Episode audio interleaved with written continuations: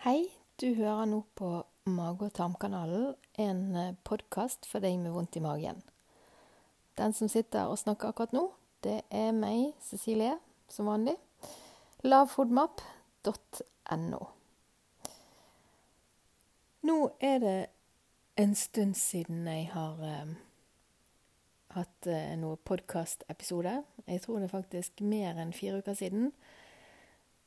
Jeg skulle ønske jeg kunne unnskylde meg med å si at det er pga. det tekniske, men eh, det er det ikke. Det er nok bare det at jeg har hatt uh, mye å gjøre, og uh, kanskje litt latskap. Så i dagens episode så skal jeg snakke om uh, noe jeg syns er litt flaut.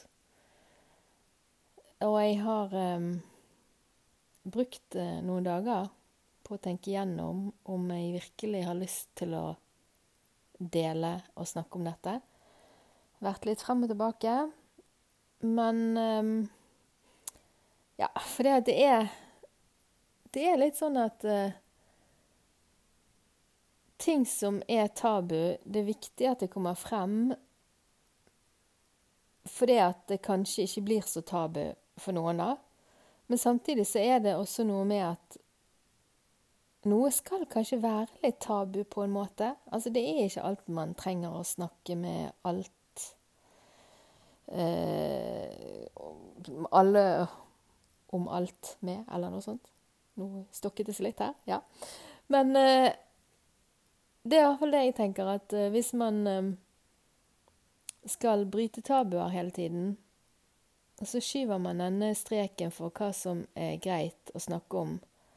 Den uh, skyver man bare foran seg. Og uh, jeg har vært litt i tenkeboksen og tenkt at kanskje det ikke er alt vi trenger å dele på sosiale medier og i blogg, podkast. Um, så jeg kommer um, Jeg deler nok ikke hele livet mitt med dere der ute. Men eh, samtidig så um, er dette med å ha IBS og alt dette som er rundt, det er så vanskelig for så veldig mange. Og selv så syns jeg ting har blitt lettere etter jeg har snakket med andre og hørt andre fortelle sine historier. Så da tenker jeg OK, kanskje dette kan gjøre det litt lettere for noen andre. For dette er jo ikke noe som jeg Det er bare meg som sliter med, men eh, faktisk ganske mange andre. Og eh, ja, Eh, man kunne gjerne sagt at det burde ikke være tabu å snakke om det, men det er det, og jeg tror Eh, hvis det ikke er tabu å snakke om det, så tenker jeg at det er også litt rart og litt kunstig. Så, men um, ja. Jeg har bestemt meg for å fortelle eh, min historie i dag. De som um, har fulgt meg på sosiale medier, eller i hvert fall på Instagram, de har kanskje fått med seg at jeg var en liten tur innom på Haukeland sykehus på tirsdag. Og um, grunnen til det skal jeg altså fortelle nå. Jeg har um, slitt med dette ganske lenge. Og eh, har vært hos legen en gang eller to, kanskje. Nevnt det for han, og han har sendt meg til eh, videre til koloskopi. Eh, noe som jeg i utgangspunktet egentlig ikke har tenkt at jeg ikke har trengt for dette. Så jeg har bare utsatt denne timen hos eh, rumpetitteren, som jeg liker å kalle han.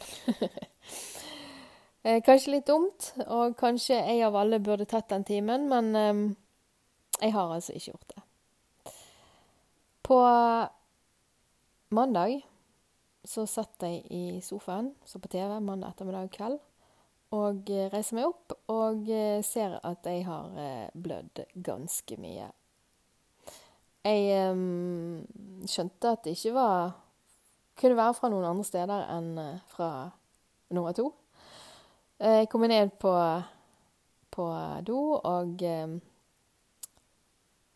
Eh, da skjønte jeg i hvert fall at det var fra nummer to, og det var mye. Men eh, dette er noe jeg har opplevd før. Eh, men ikke helt sånn spontant, uten at jeg har vært på do. Så jeg jo på, visste jo på en måte det at det som gjaldt for meg, det var å eh, få ting inn igjen. Eh, og eh, da slutta det å blø. Så det gjorde det. Eh, jeg ble litt redd, fordi dette var nytt for meg. At jeg bare helt spontant begynner å blø ganske kraftig mye. Så jeg Hva gjør man da? Jo, man ringer til mamma. Ikke til legen, nei, man ringer til mamma. Og eh, diskuterte det litt med mamma.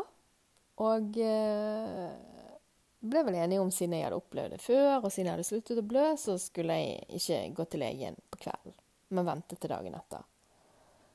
Så jeg gikk og la meg. Sov selvfølgelig litt dårlig fordi at jeg var redd jeg skulle begynne å blø igjen, og jeg var litt uh, nervøs. og Ringte til legen om morgenen og uh, fikk en time. Uh, nå blødde jeg ganske mye, ganske mange ganger på morgenen òg, så det at jeg Ja, jeg måtte ha den legetimen. Kom til legen. Da var det sluttet å blø. Eh, men kom til legen og eh, ble undersøkt. jeg var jo Jeg er fortsatt eh, så barnslig at jeg syns dette er litt eh, Ja. Jeg, jeg, tror jeg er nødt til å håndtere det ved å le litt av det, for jeg syns egentlig det er veldig pinlig. Og eh, da er det kanskje Ja, er det min måte å håndtere det på, og le litt av det.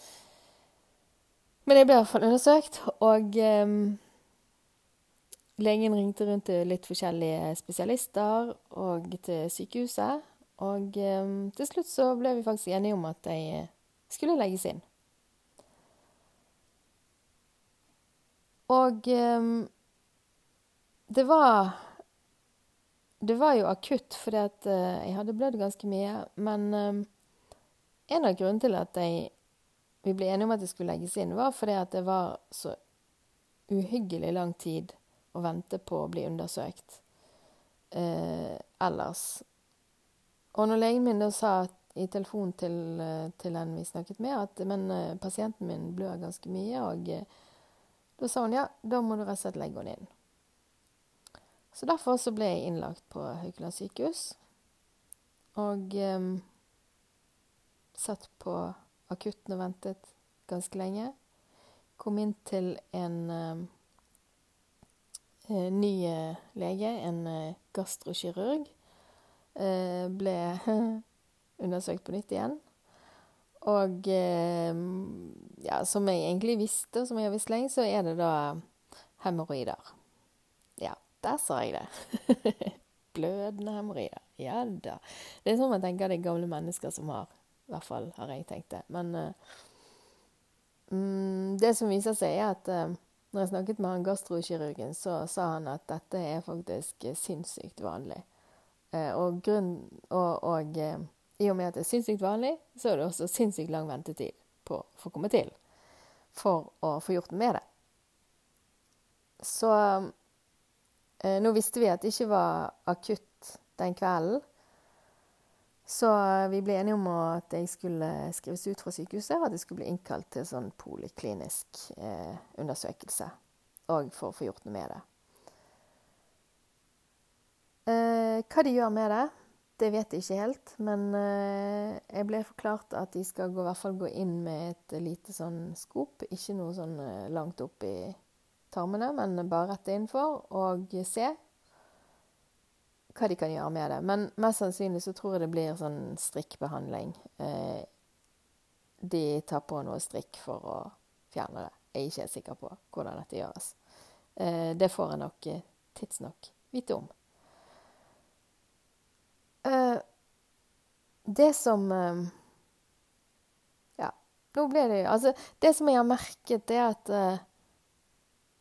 jo flere ganger jeg har fortalt dette For jeg har jo selvfølgelig ikke Jeg forteller det ikke til hele verden, men jeg har selvfølgelig fortalt det til uh, noen venninner. Um, og så var jeg dessverre nødt til å fortelle det til, uh, til uh, eh, noen på jobben fordi at jeg hadde et uh, viktig møte som jeg måtte avlyse fordi at jeg var på sykehuset. uh, men første gangen så var det jo kjempeflaut å fortelle om det, og jeg trodde jeg hadde lyst til å bare eh, synke ned i jorden. Men jeg merker jo på en måte at det er lettere å snakke om det når jeg har fortalt det til én. Og i bunn og grunn så merker jeg jo at folk ikke syns det er flaut. Altså, det er bare meg som syns det er flaut. De fleste andre syns jo bare synd på meg og tenker 'stakkar deg'. Så um, Det er jo kanskje ikke så flaut, selv om jeg syns det. Dette ble litt rart, men uh, jeg håper noen uh, skjønner hva jeg mener. Uh, nå har tiden gått, og jeg tror jeg skal avslutte for i dag. Hvis noen har noen spørsmål, eller whatever, ta kontakt. Cecilie at lavfoodmap.no. Så snakkes vi.